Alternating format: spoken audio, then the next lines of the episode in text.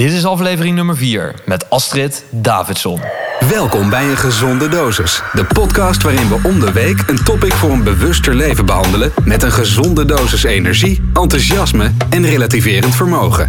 Dit is jouw host, Pieter Wijtenburg.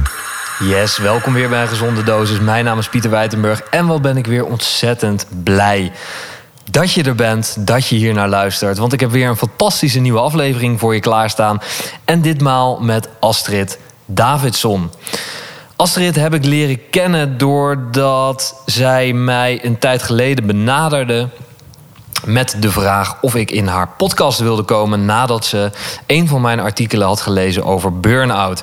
Nou, vond ik dat natuurlijk ontzettend leuk om te doen. Ben bij haar in de podcast geweest en ik vond het echt een ontzettend uh, mooie ervaring. En dat is voor mij ook echt de reden geweest dat het podcast de podcast vibes een beetje zijn gaan kriebelen. En dat ik uiteindelijk ook de stap heb gezet om die van mezelf te beginnen. Dus ik vond het ontzettend leuk en bijzonder dat ik de rollen om mocht draaien om samen met haar de podcast op te nemen. Maar nu dat zij mijn gast was. Want Astrid is uh, auteur van het boek Prima is Perfect. Een boek over perfectionisme. In vijf stappen je perfectionisme loslaten. Ze is daarnaast hypnotherapeut en heeft een eigen online academy, De Zonnebank. En natuurlijk ook haar podcast, Zon in je leven. En uh, we gaan het vandaag hebben over het boek wat ze heeft geschreven, of ze het daar eigenlijk nog wel mee eens is. En wat haar laatste definitie van perfectionisme is. Hoe ze anders in het leven is gaan staan nadat ze twee Tia's kreeg. We gaan het hebben over hoe ze omgaat met de angst voor afwijzing en hoe ze haar levensmissie ontdekte. Waarom ze een maand lang oncomfortabel lang is gaan mediteren en wat het resultaat daarvan was. En verder hebben we het ook nog heel veel over energie, emoties en met name spiritualiteit. En als er één naam die ik nog heel veel voor je wil introduceren, dat is namelijk Joe Dispenza. Want daar gaan wij het veel over hebben zonder dat die een enige inleiding krijgt. Dus misschien voor jou goed om te weten, dat is een onderzoeker en schrijver, onder andere van het boek Jij bent de placebo. En hij doet veel wetenschappelijk onderzoek naar spiritualiteit en wetenschappelijke of uh, mystieke ervaringen. Ik heb ontzettend veel zin om dit gesprek aan jou te laten horen. Dus bij deze, hier is mijn gesprek met Astrid Davidson. Astrid, ja, welkom in de podcast. Dankjewel, Pieter. Wat ontzettend leuk om, eh, nou we zeiden het net al even uh, tegen elkaar. Een jaar geleden, een jaar na dato, zitten we Zitten we hier? Zitten we er weer? Op een hele andere plek, een hele andere, in een echte studio. Ik vond mij al stoer, maar kijk nou toch. Alles is anders en uh, nog een klein beetje hetzelfde. Alleen ja. het belangrijkste is denk ik, de rollen zijn deze keer omgedraaid. Ja. Waar jij uh, vorig jaar mij had gevraagd om in jouw podcast te komen, mm -hmm. uh, heb ik het nu aan jou gevraagd. Ja. Ik vind het ontzettend leuk dat we het gesprek nog een keer kunnen gaan doen, maar dan anders. Dan anders, absoluut. Ja, super. Dankjewel voor de uitnodiging. En ja. ik had uh, niet lang nodig volgens mij. Nee, helemaal niet. Het was meteen een ja, twee zonnetjes erachter. Maar volgens mij is dat ook een beetje je, trademark. Je trademark. Ja, dat klopt. Um, ik denk dat ik tot nu toe bijna elke podcast begonnen ben uh, met dat ik zeg... Eigenlijk het leukste hieraan vind ik dat het zo interessant is om even jouw wereld in te kunnen duiken. Ja. En hoe ontzettend interessant het is om eigenlijk soort van even een kijkje te kunnen krijgen in ja, degene uh, met wie ik het gesprek aanga. Ja. En een van de dingen die me echt meteen opviel en die ik ontzettend mooi vind, mm. um, is dat jij hebt zowel in je podcast als bij de video's die je online zet, ben jij best wel open. Je bent kwetsbaar. Je Mhm. gebruikt heel veel voorbeelden uit je eigen leven. Mhm. En mijn vraag is: doe je dat één bewust? Mhm. En hoe ben je op het punt gekomen om zoveel te delen over jezelf op een hele kwetsbare manier, zelfs tot aan tranen toe, soms eh, ten opzichte Ja. van de camera? Ja. Ehm, nou, ik, ben, ik heb dat nooit bewust zo bedacht. Ehm, mijn grote, laten we maar zeggen, afscheidsbeweging van de oude Astrid. Want er is echt. Ik, we, we veranderen continu. Maar ik zie wel echt een oude Astrid. eh, ehm, die vastliep van een jaar of twaalf geleden.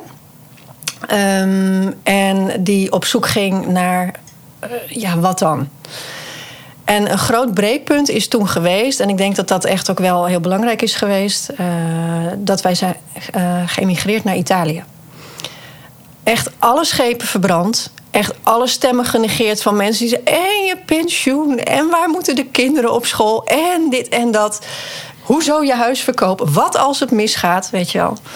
Dat is uh, de, echt de, ja. het vasthouden aan het ja. zekerheid, ja. dingen van andere mensen komt dan in één keer heel duidelijk naar boven. Ja, hè? ja. En ik had in die tijd, godzijdank, het boekje uh, op mijn pad gekregen: uh, De Creatiespiraal van Marinus Knopen. Ja.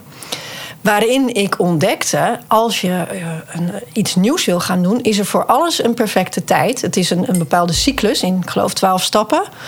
En een van die stappen, wat zeker niet nummer één was, was bijvoorbeeld vertel het niet meteen aan je schoonmoeder. Nou, dat was niet letterlijk die stap, maar laat je omgeving nog maar eventjes erbuiten, totdat je zelf de zekerheid voelt van oké, nu zijn de eerste vragen die men zou kunnen gaan stellen, die kan ik nu beantwoorden. Dus wij zijn geëmigreerd en um, uiteindelijk niet heel erg lang, maar dat is een heel ander verhaal, daar ga ik nu niet op in. Maar wat dat me heeft gebracht, want het was niet de oplossing voor al mijn problemen. Ik ben geen uh, Italiaanse geworden. Ik was binnen een jaar weer terug.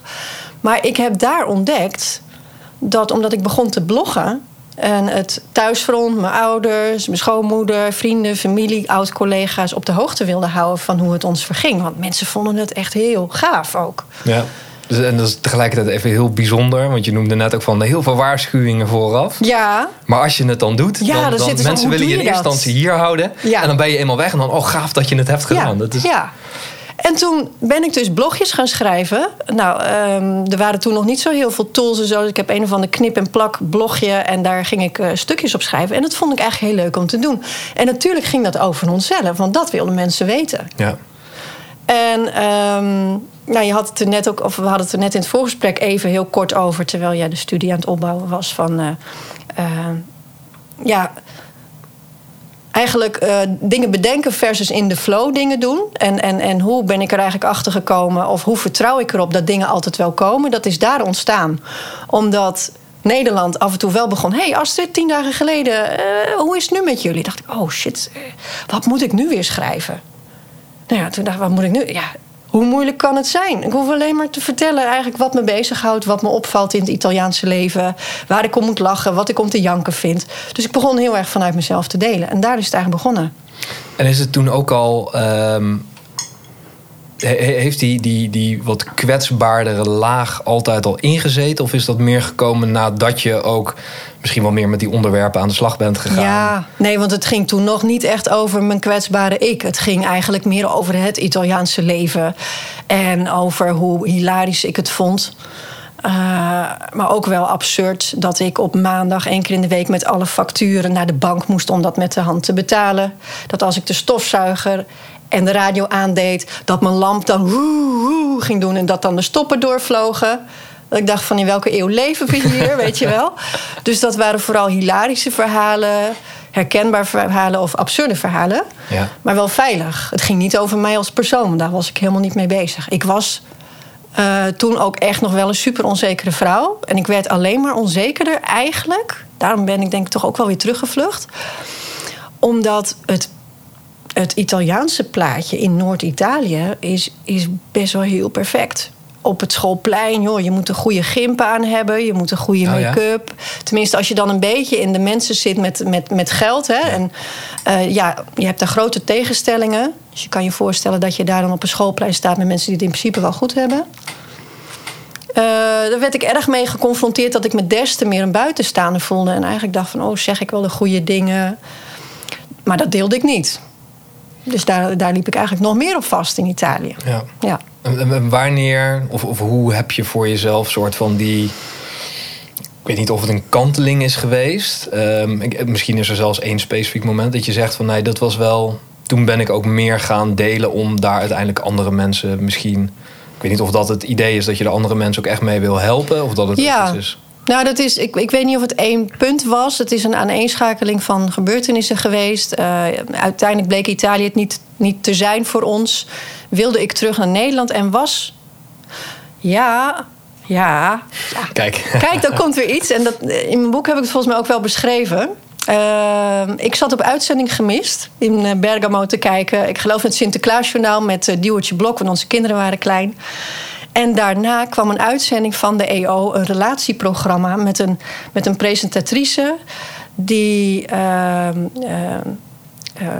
ja, maakte dat programma. En het ging over stellen die elkaar helemaal kwijt waren geraakt.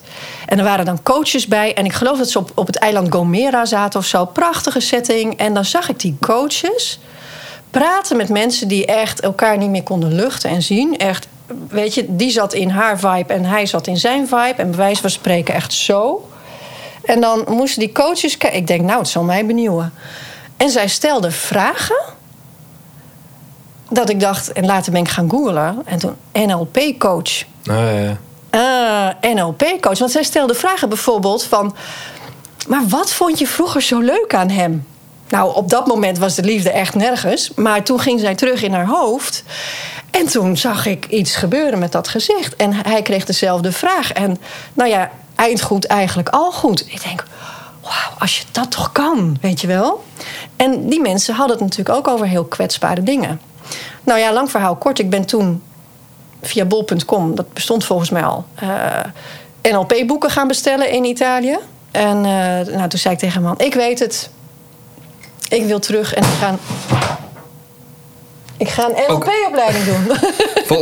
Is dat ook het boek? Ik weet spontaan uit de kast gevallen. Ik weet niet welk boek eruit valt, maar. De, oh, een hele. De sleutel tot zelfbevrijding. Nou, dat was oh, het dan. Kijk. dus daar begon wel inderdaad mijn zelfbevrijding mee. Met, met, eh, met mijn eerste training neurolinguistisch programmeren. Je brein herprogrammeren. Ontdekken wat voor bullshit je jezelf vertelt. En ik ging toen ook voor het eerst zonnestraaltjes schrijven. En mijn man die, die zag, en dat had ik eigenlijk niet eens door... hij zei wat ik zo leuk vind, want die liet ik het altijd lezen.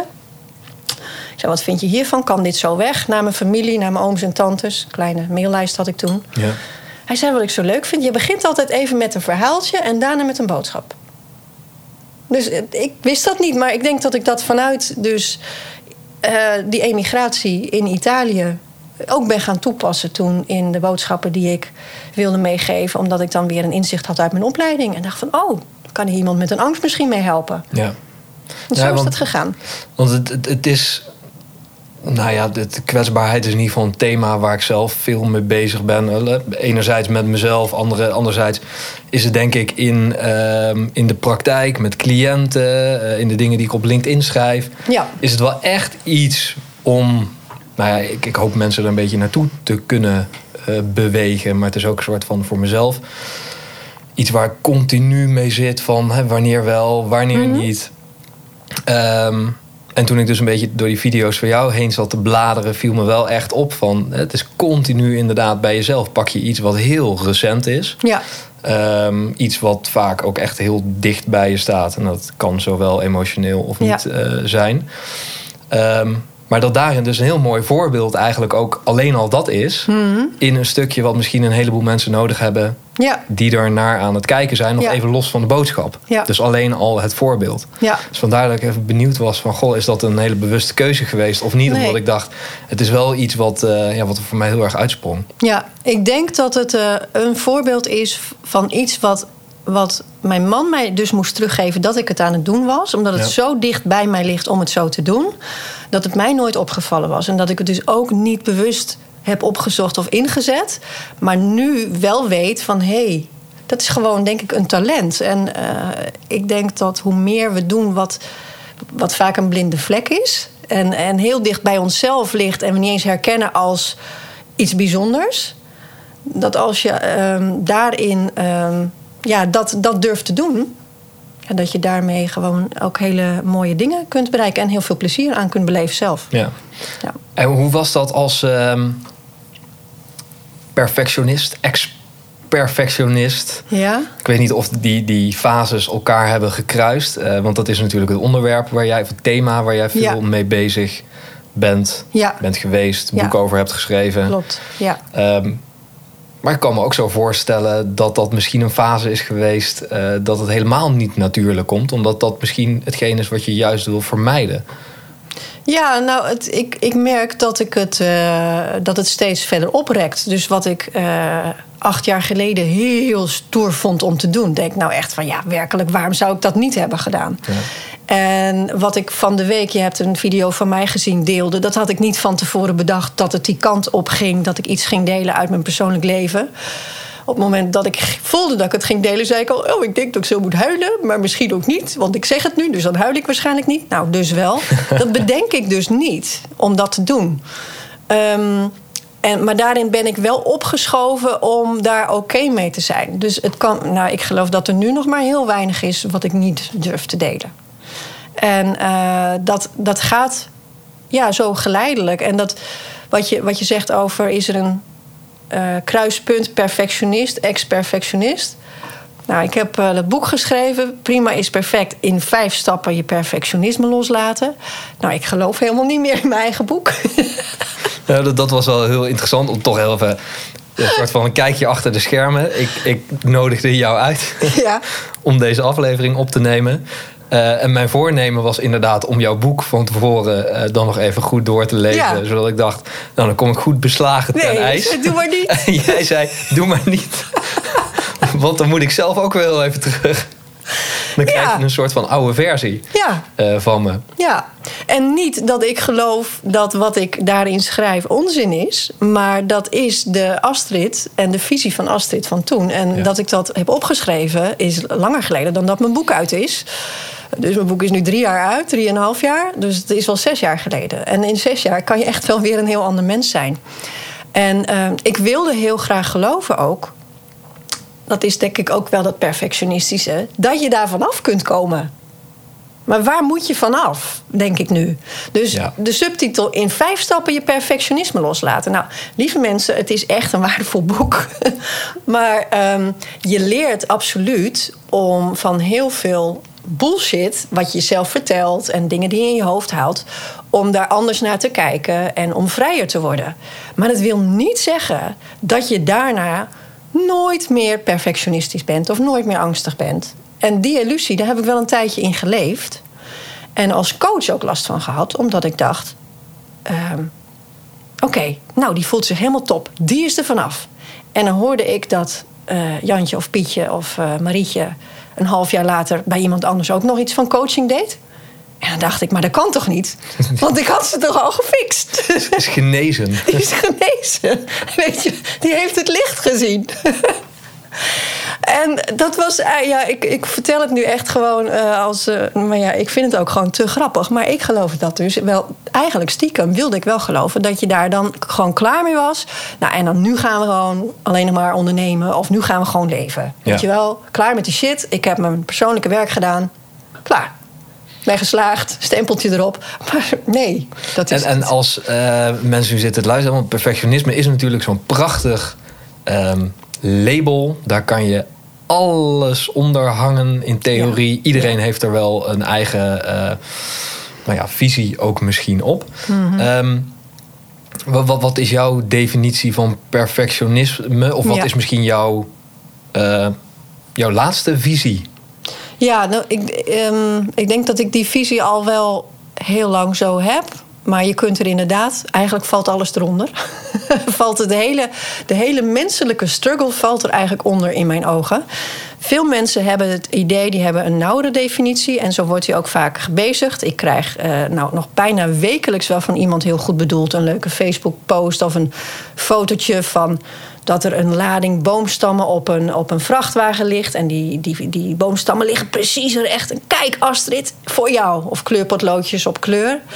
Denk, dankjewel, maar je hebt mijn boek niet gelezen. Want mijn definitie is perfectionisme het eeuwige streven om perfect te willen zijn. En dan tegelijkertijd, als je daar dus eeuwig naar streeft, heb je dus blijkbaar de belemmering dat je niet perfect bent. Niet goed genoeg, lees ik dat ook. En dat is eigenlijk iets wat we als mens.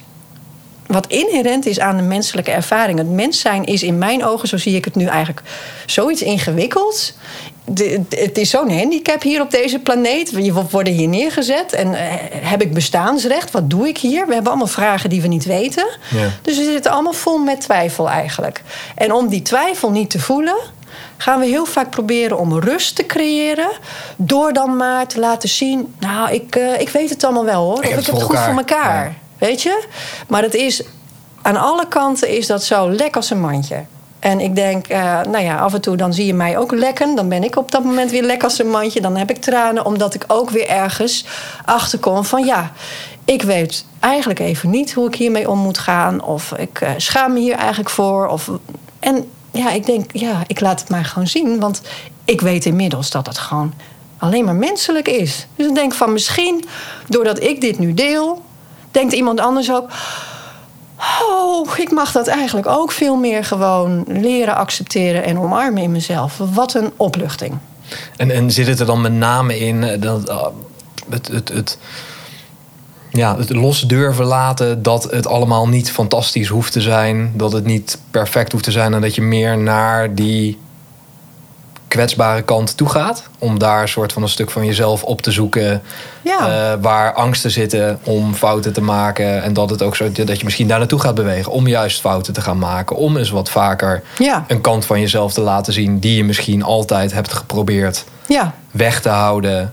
Um, ja, ik. Uh, wat mij heel erg heeft geholpen en wat ik echt debiel vond de eerste keer dat ik het hoorde. Het was van een Amerikaanse coach. Kyle Sees. En die zal het misschien ook weer niet van zichzelf hebben, vast niet. Maar die zei eigenlijk tegen alles wat we ongemakkelijk vinden. Weet je, um, stel je hebt nu, ik noem maar wat, een vreedbui. Of je hebt nu uh, een, een, een, een angstaanval. En dan zei hij: Love that too. Hou, hou ervan. Hoezo hou van je paniekaanval, weet je wel? Dus dat heeft mij heel veel uitzendingen van hem gekost voordat ik dacht: wat bedoelt die man nou? Hoezo? Hou van datgene. Weet je, als mensen bij mij komen ook. Ja, dat hoofd dat moet nu eens stoppen. Uh, ja. Dat getetter de hele tijd. Wanneer is het nou eens rustig in mijn hoofd? Dus ik had gisteren nog iemand. En die heb ik dus meegenomen in de hypnosestoel. Dat ik zei van luister nou eens. En ga nu eens, maak verbinding met je hart. Ga nou eens vol liefde luisteren naar dat getetter. Dus eigenlijk zei ik ook, love that. Alles wat in je hoofd. Nou, ze keek me echt aan alsof ik uh, raar was. Maar dat was toen ik het uitlegde. En als iemand dan wat meer ontspant en ik ga mijn stem gebruiken en dan zeg ik het nog een keer. Toen begon ze dat te doen. En toen kwam ze tot hele interessante inzichten. En ze ging 180 graden anders, ging ze de deur uit. Ja, want het is vaak juist het gevecht het tegen het hetgeen wat er zit. Dat dat eigenlijk het probleem is en niet hetgeen wat er zit. Ja, ik had, de eh, weerstand is het probleem. Dat is eigenlijk het eerste probleem. Dus als je doorhebt dat je weerstand hebt, en dat is een heel belangrijke stap in bewustwording, dan kun je er ook voor kiezen om er dan niet voor weg te lopen, maar erbij bij te blijven. Ik had een paar maanden geleden een uh, masterclass van Robert Dilts. Ja. Een van de, de NLP. NLP uh, ook, toch? Ja, ik ken hem niet. De, de, volgens mij de eerste student van mm -hmm. Bandler en Grinder. Mm. Um, nou, en af en toe tot grote hilariteit van iedereen in de zaal. Was dat in al zijn demo's. Een soort van alles wat er maar kwam. Qua emotie, qua vervelend stemmetje of wat dan ook. Was het. And welcome that. Ja, nou dat is het. welcome that. Ja. That's interesting. And welcome it. Ja, ja. En, uh, maar dat was heel erg. Want elke keer dat hij dat deed. Was eigenlijk gewoon de uitnodiging. Van hé, hey, er is iets in jou. Wat er schijnbaar even moet zijn. Ja. Laten we dat er eens even bij pakken. Ja. En er gewoon eens naar kijken. Er naar luisteren. Het ervaren. Ja. En alleen al daarin verandert het natuurlijk heel veel. Want dat is Mhm. vaak wat mensen nog nooit eerder hebben gedaan. Nee, druk meteen weg. En dan is er al een soort van... hé, hey, nou, alleen al die weerstand verdwijnt. En dan, nou, wat je net zegt, 180 graden de andere kant op. Dan, Ja. dan ontstaan er zoveel eh, mooie en, eh, en bijzondere dingen. Ja. Ehm, maar het is niet altijd even makkelijk voor iedereen. Nee, sommige mensen worden ook boos. Of die schrikken ervan. Of worden verontwaardigd. En, eh, als, ik, als ik nu terugdenk aan de eerste jaren dat ik coachte... was ik ook nog veel meer van de NLP-techniekjes. Van oké, je kunt een gevoelsomdraaitechniek doen. Hè, iets voelt niet prettig. En dan kun je een, eh, eigenlijk een techniek op toepassen... zodat je ontspannen wordt. Nou, dat, kan, dat, dat is vooral heel fijn als je bijvoorbeeld nu een spreekbeurt moet houden. Super om dat dan te doen. Uh, en dan was ik ook bang als dat niet lukte bij mensen. Want dan dacht ik, oh shit, ze voelen zich in mijn stoel nog steeds niet goed. Wat doe ik niet goed? Dus ik wilde dat ook wegtoveren. Dus Ja. dat was een hele andere aanpak. Helemaal niet erg, want dat heb ik daardoor goed geleerd. Maar daarna kwam ik inderdaad in de fase van dat iemand zei: Ja, oh, ik krijg bijna een paniekaanval. Ik durf niet in hypnose. Nu zou ik zeggen: wauw, een paniekaanval, wat gaaf. Nou ja, dan gaat iemand natuurlijk denken van, wat, wat is dit voor gek? Maar als je Maar wat daar vaak even- al een hele goeie is, want dan is het zo van, hè, wat? ja, Dat- dat ze- verwarring. Precies. Dus je gaat een hele andere kant op. Mensen Ja. verwachten dat niet, zijn in verwarring. En dan, dan kun je ze echt meenemen in juist die beleving. En ehm, ja, dat, ik vind dat super cool gewoon. Iets wat, waar je ook veel over ehm, praat de laatste tijd, als ik het goed heb. Mhm. Ja. Want eh, volgens mij heb ik dat een paar keer voorbij horen komen. En ik ben benieuwd of dat hier ook een beetje aan grenst voor jou. Is het leven in of met vertrouwen? Ja. Ehm, hoe, hoe, hoe zou je daar eens wat over kunnen vertellen? Hoe je daar op dit moment in staat en hoe je daar, nou misschien wat daar je visie op is, hoe jou dat helpt en hoe dat misschien hier ook aan verbonden is. Nou, er is wel de afgelopen jaren... de eerste keer dat ik huilde voor de camera... is, is daarin een, eh, eh, een eh, shift gekomen. Ik had een paar jaar geleden... ik geloof dat het ook is begonnen toen ik bezig was... met een opleiding storytelling... waarin er heel veel met me gebeurde... en ik erachter kwam van wauw, ik geloof inderdaad... dat je je verhaal leeft. Dat we allemaal een soort van reis van de held doormaken... en dat je, je persoonlijke pijn kan juist ook weer datgene zijn waarmee jij de wereld kunt helpen. Dus wat nou als alles wat je meemaakt een doel heeft? En ik zat in die tijd net in een periode dat ik een TIA heb gehad. En dat was heel eng. Het was niet een ernstige. Ik heb er twee gehad, twee lichte, maar wel die me op mijn grondvesten hebben doen schudden. Want ik kon opeens niet meer praten. En toen bleek dat ik eh, iets aan mijn bloed heb. En nou, mijn vader bleek die ziekte ook te hebben. Dat was al langer bekend. En ik ging totaal in de weerstand, in de angst, in het eh, verlies van vertrouwen in mijn lichaam. Dus het was echt een hele heftige periode. Ehm nou moet ik even terug jouw vraag, want ik verlies mezelf helemaal in het verhaal. Het leven eh, met vertrouwen. Vertrouwen, soort van. ja. ja. Ehm, dus ik merkte dat die weerstand tegen wat mij was overkomen op gezondheidsvlak, dat hielp mij niet. Want ik ging Wim Hoffen, ik ging eh, mijn eten aanpassen, ik ging echt ten strijde. Maar nou, ik ben al niet heel zwaar, er bleef niks van mij over. Ik was mijzelf aan het wegmanifesteren van deze wereld ongeveer. Ja. Dus op een gegeven moment, toen was ik weer een keer bij de arts en die zei: Nou, ik heb je nou een paar maanden je eigen strategieën eh, laten doen. Dat hadden we ook afgesproken. Maar ik heb hier pillen voor je liggen, die zou je ook kunnen slikken, maar die wil je steeds niet. Hoe sta je er nu in? En mijn man was mee en eh, toen zei mijn man: Ja, maar die pillen die heeft ze toch eigenlijk niet nodig? Bloedverdunner is toch eh, meer dan genoeg? Nee, hij zegt: Het is nog steeds een risico zoals ze nu rondloopt. Dus ja. En toen dacht ik: Wie ben ik nu voor de gek aan het houden? Ik ben een moeder van twee kinderen. Eh, mijn man is dol op mij en omgekeerd. Ik, ik heb een bedrijf wat ik leuk vind. Waarom ben ik nou zo eigenwijs dat ik in deze wereld zijn ook pillen? Dat ik die nu niet ga slikken. Nou, ik kwam erachter omdat ik heel perfectionistisch dacht.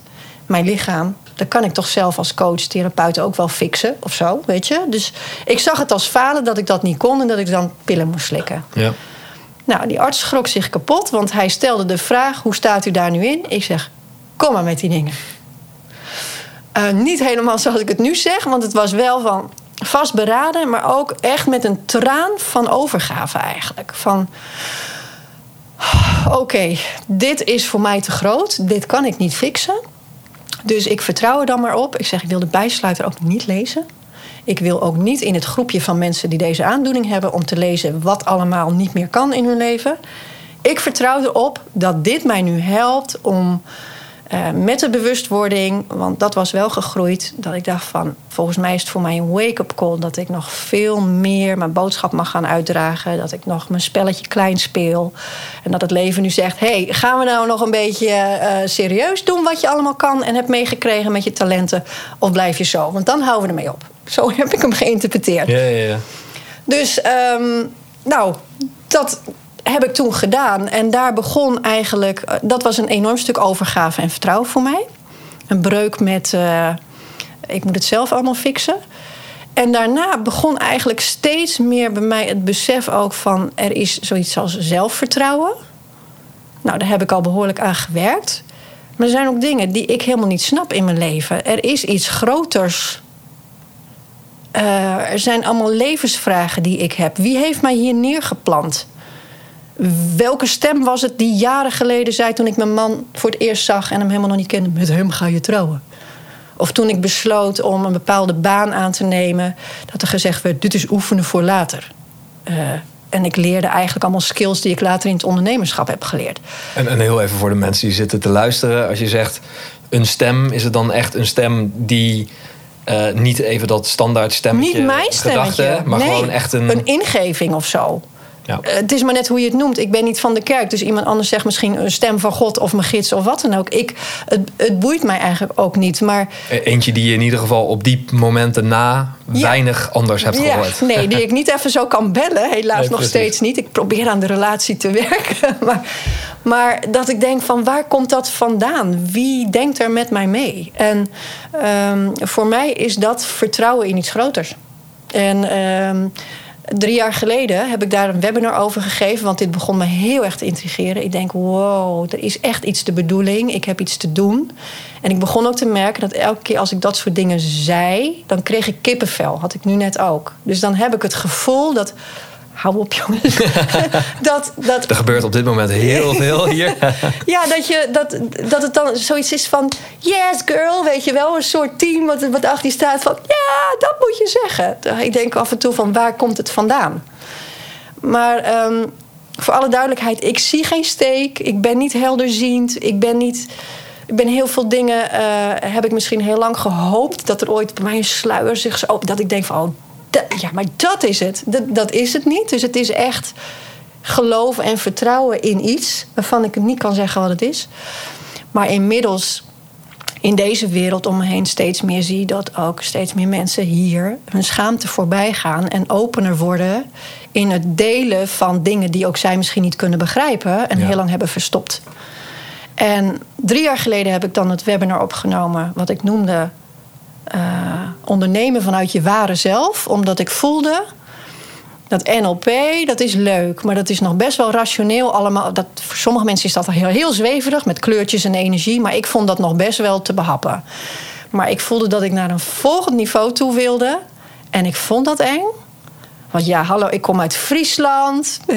Weet je. Heel, heel nuchter opgevoed Ja, misschien. en ik denk, ik heb al een leuk bedrijf opgebouwd. Dus er gaan allemaal mensen gaan natuurlijk zeggen, jeetje. En die mailtjes kreeg ik ook na afloop. Maar eigenlijk heel weinig. Ja. En um, het was mijn eigen angst voor afwijzing. Waardoor ik, ja, laten we zeggen, dat spirituele stuk van mezelf nooit wilde laten zien. Maar ik ook voelde van als ik het niet ga doen... Nou, Misschien krijg ik wel weer een TIA. Dat klinkt misschien heel raar, maar laat mij dat mijn geloof. Hè? Dat, dat, dat is mijn manier om daarnaar te kijken. En dat helpt mij om eerlijker te worden. En ik merk dat heel veel mensen die dat bijvoorbeeld toen zagen, zoiets hadden met tranen in hun ogen van. Oh, maar ik herken dit. Wat fijn dat je dit deelt. En dan denk ik van, nou, dan is dat blijkbaar wat ik moet doen. En uh, waar ik niet alleen in ben. Er zijn heel veel mensen die ook dingen kunnen delen, maar zich ook nog laten weerhouden door hun angst voor afwijzing. Het is niet goed genoeg, het is nog niet de tijd. En dan ben ik heel benieuwd, hoe en wat ben je toen gaan doen? Wat was dat spirituele stuk waarvan je zegt van, hè, ik heb die webinar gegeven, toen is er een, iets in mij ja. Ehm, heeft de vrijheid misschien gekregen, die angst voor afwijzing voorbij. Ja. Nou, toen ben ik uh, um, ja, bijvoorbeeld ook bepaalde trajecten gaan volgen bij coaches. Dat we dingen doen nou, wat, ik in deze, wat ik zelf nog niet eens snap. Dat we naar spirituele plekken zijn gereisd in Engeland, naar Stonehenge. Dat ik bij stenen heb gestaan. Dat, dat, dat, dat, dat begrippen als downloads krijgen, werken met je team. En dan bedoel ik niet mijn virtuele team in Almere, maar, maar weet je, nou, dat soort dingen. En. Uh, heel lang ook dat toch blijven ontkennen. Door steeds, ja, je vindt misschien wel een beetje zweverig dat ik dat zeg. Maar heb ik ook echt moeten afleren. Ik betrap mezelf er soms nog wel eens op. Omdat ik dan denk. Dat je het eigenlijk soort van het ja, waar je zo voor staat. Dat je het kleiner aan kleiner maakt. Zodat ik andere mensen voor ben. Hè? Dat, er wordt bijvoorbeeld vaak gezegd van mensen met overgewicht. dat die ook heel goed alle grapjes maken over hun eigen overtollige kilo's. Precies datzelfde uh, mechanisme. Dus angst voor afwijzing al een stapje voor zijn. Eigenlijk, ja. Omdat het, uh, ja, we leven toch in een wereld. En ik kom ook zeker uit een familie waarin dit helemaal. Ik ben wat dat betreft, ik heb het laatst ook wel weer gehoord. eh, op familiefeestjes. Dus sommige mensen vinden mij echt de Jomanda van de familie. Maar inmiddels denk ik van ja, nou ja, zo so be it. Ik kan dat Dragen nu hebben. met trots.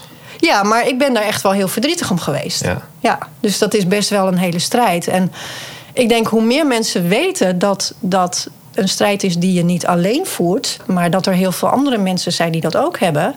eh, nou ja, dan, dan, weet je, dan volg je mij waarschijnlijk met plezier nog steeds. En anders ben je afgehaakt. Of eh, zul je ook nooit eh, mij op je pad treffen als Ja. dat niet past.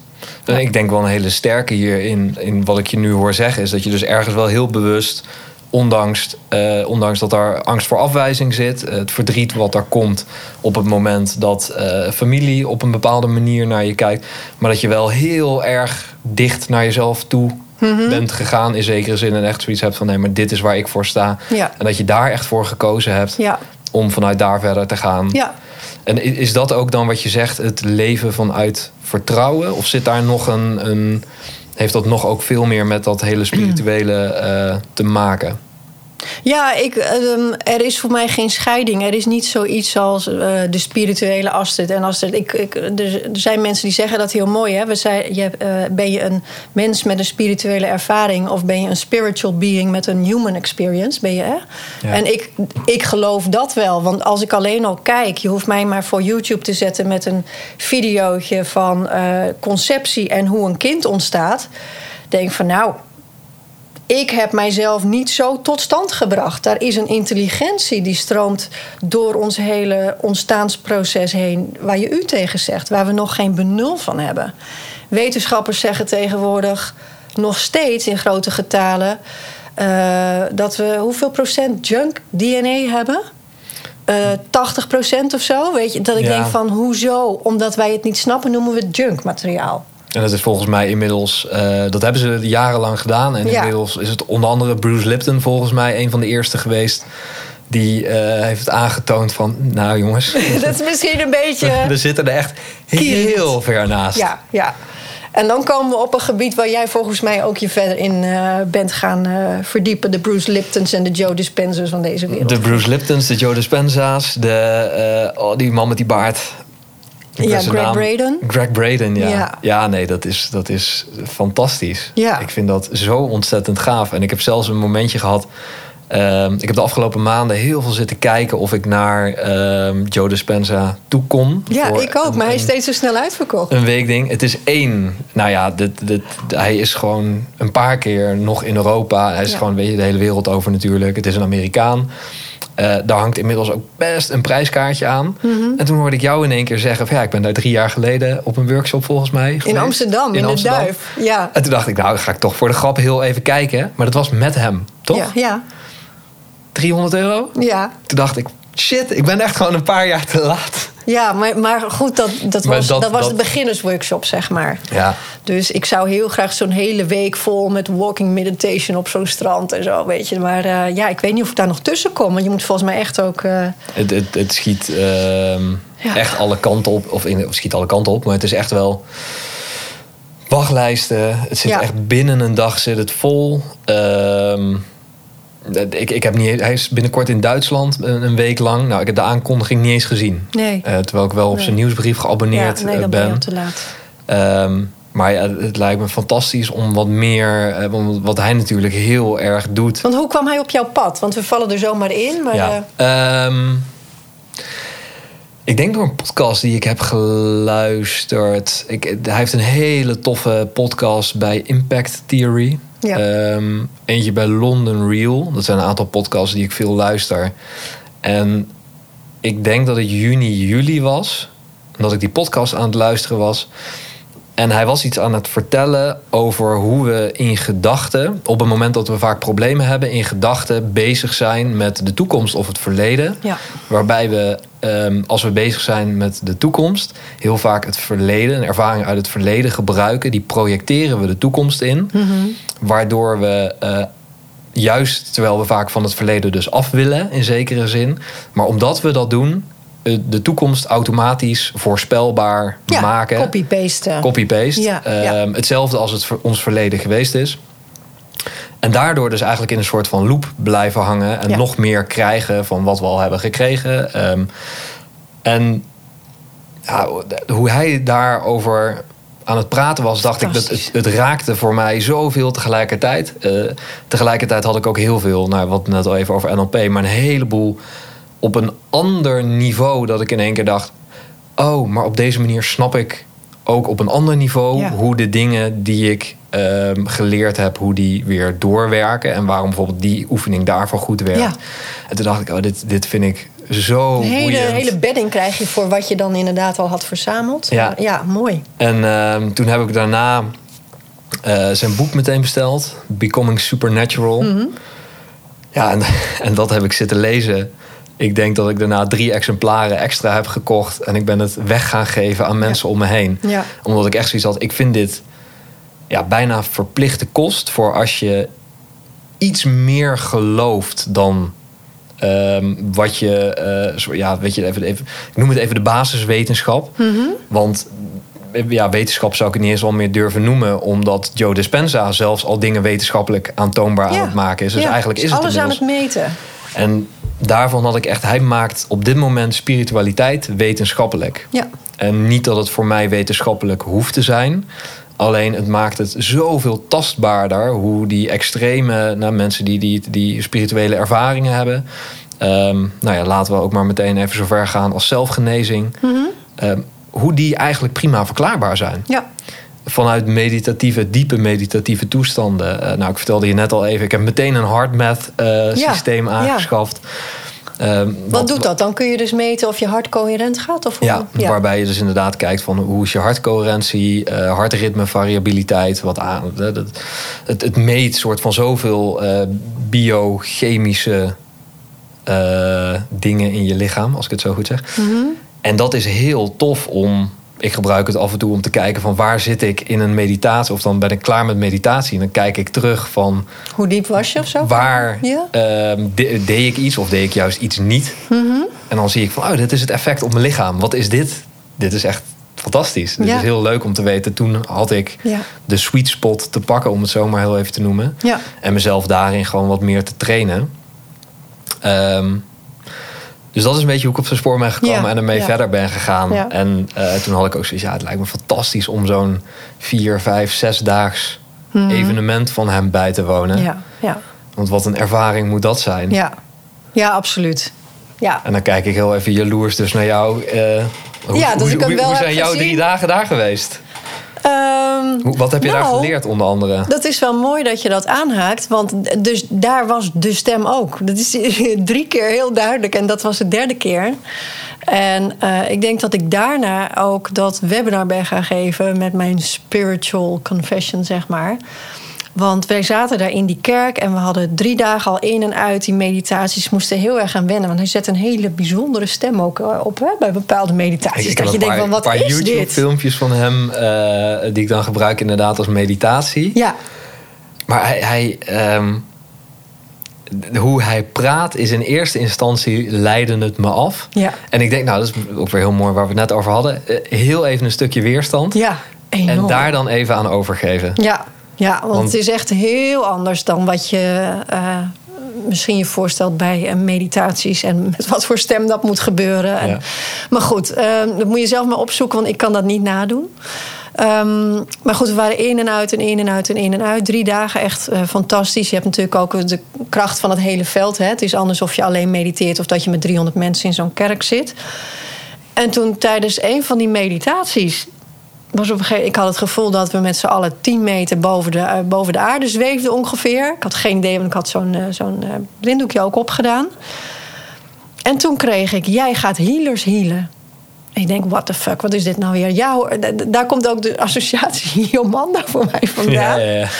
Wat, ik heb niks, helemaal niks tegen Jomanda... maar daar, daar, daar kleeft natuurlijk toch een bepaald stigma op. Hè? En wat mensen noemen heel snel, doe ik zelf net zo hard nu minder, zo, zo weinig mogelijk aan mee. Maar zweverig, dat is een heel goed excuus om iets wat onprettig voelt of weerstand meteen te pareren. Van oh, dat vind ik zweverig, dus ik ga me daar niet in verdiepen.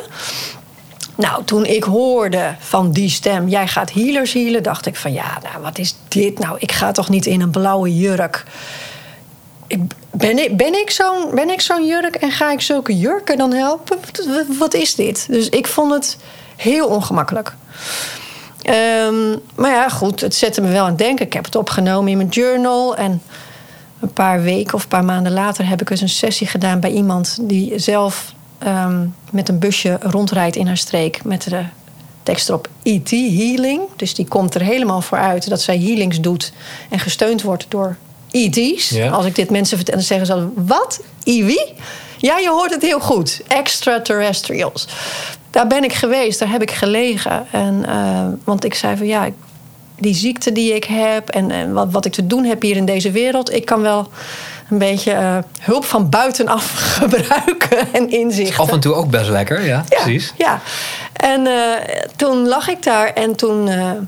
ze wist dat ik een boek had geschreven. En ze zegt, nou, ik maak nu contact met mijn gids. Nou, ik denk, het zal allemaal wel. Ik zie dat niet, ik geef me over. Over vertrouwen gesproken.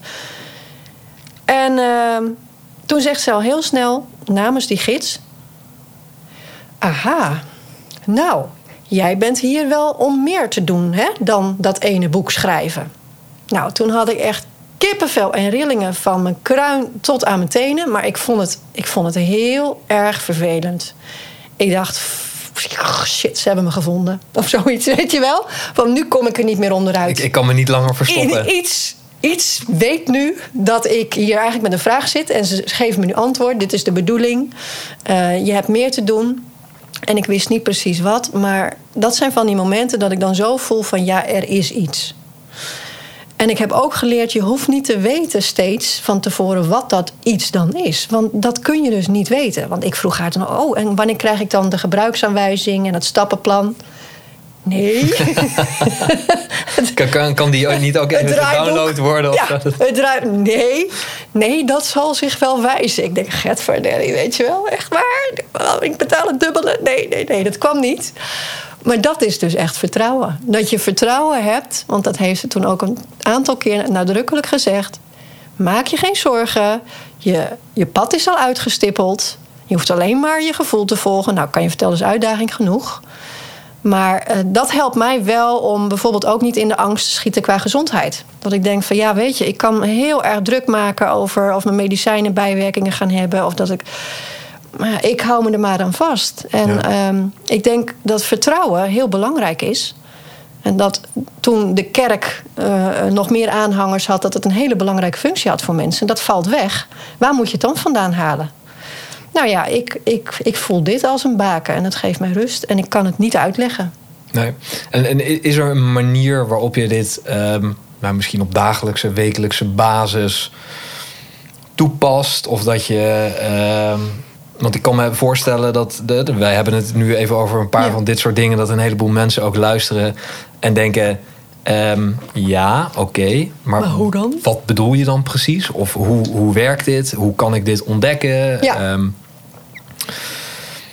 Nou, wat ik ehm, heb gedaan, ik heb daar zelfs een hele cursus over gemaakt een eh, paar jaar geleden. Ik heb op, ja, heel veel trainingen gedaan de afgelopen 10, 12 jaar.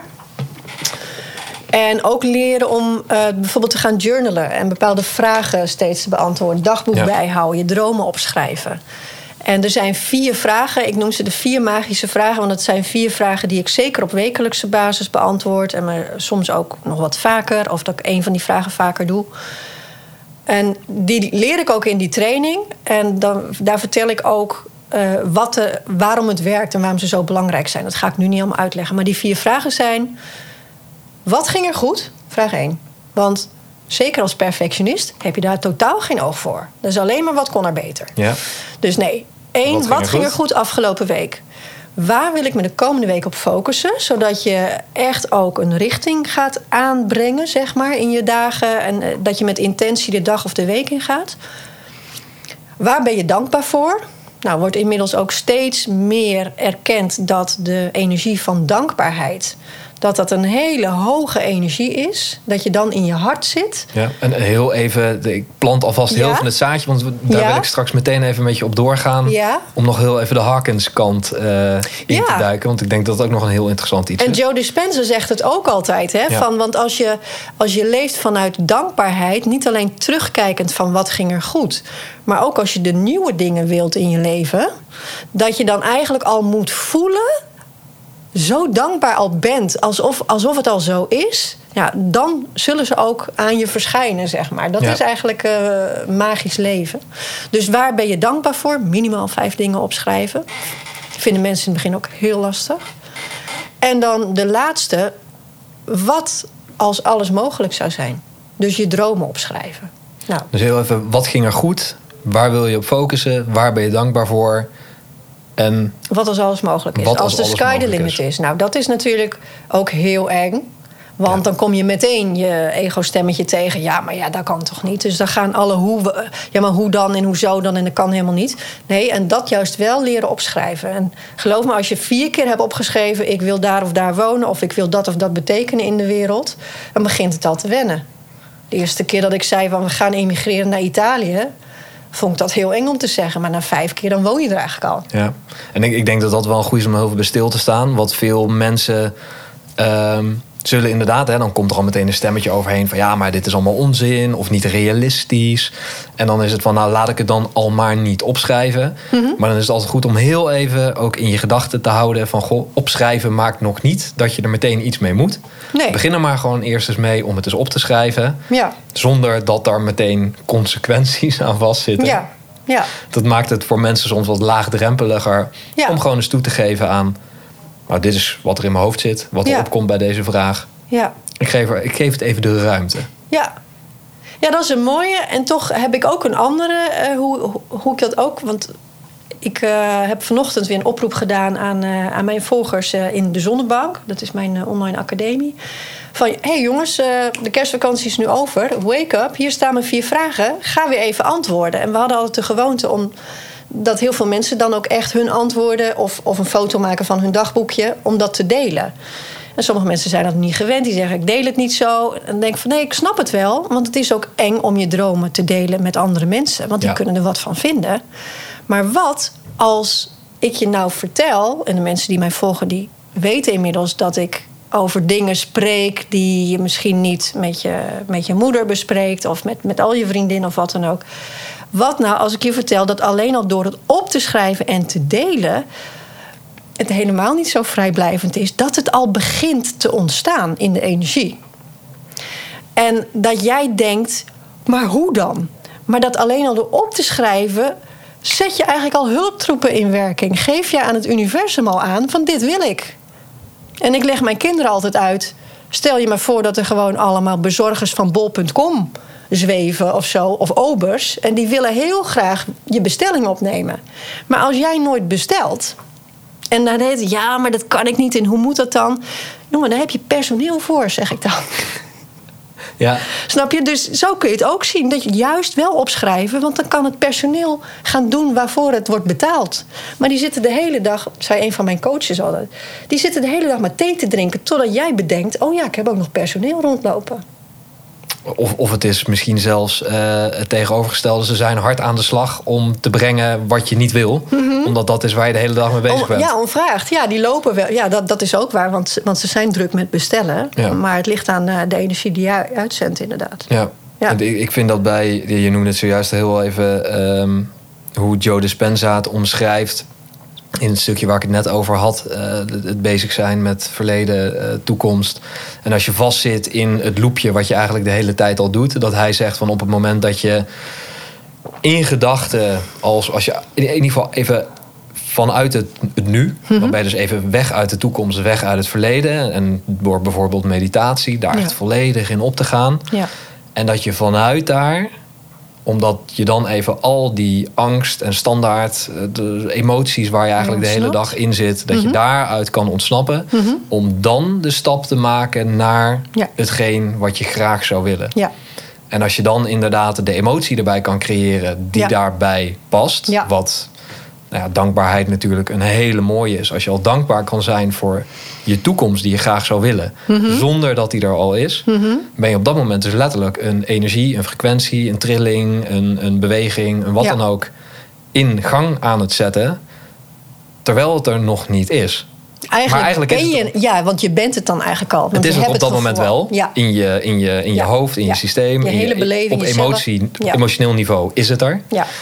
Ehm, en ja, hoe hij dat dan ook heel mooi omschrijft, is vanaf dat moment kan je ook veel meer vanuit vertrouwen, en daar is Mhm. hij weer, ehm, dat het er gaat komen, omdat je het al hebt ervaren. ja, En dat, dat, dat, ja, daar moest ik heel even aan denken toen je dit zei. Want dat blijft iets, zoiets ehm, voor mij gaafs. En tegelijkertijd af en toe ook nog bijna onwerkelijk. het is dat ook- ik denk van, Ja.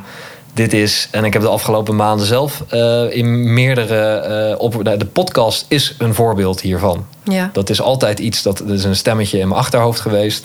eigenlijk en- zou ik of zo. Dat? Ja, en ik heb een, een aantal, nou, door veel meditaties en andere dingen. ehm, maar het- de twijfel was in één keer volledig verdwenen. En nou, bijna voordat ik het wist, binnen een week had ik al mijn gasten gemaild. Iedereen zei ook ja, Ja, die, die ik wilde. Ja, hé, eindelijk. Ehm, en dat ik dacht, heb ik hier nou twee, twee jaar zo tegenaan zitten hikken. En nu in één keer is het pop, ja, en klaar was het. ja, dan schiet het los. Ja.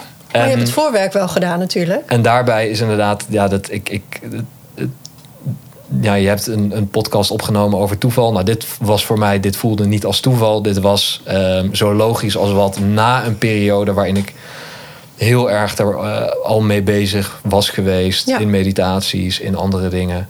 En dat het daarna zo makkelijk ging. Ja, Ehm, ja, waar ik nog steeds een beetje versteld van sta. ja. Maar ja, je creëert het al. Je creëert het al en daarna zie je het ontstaan voor je ogen.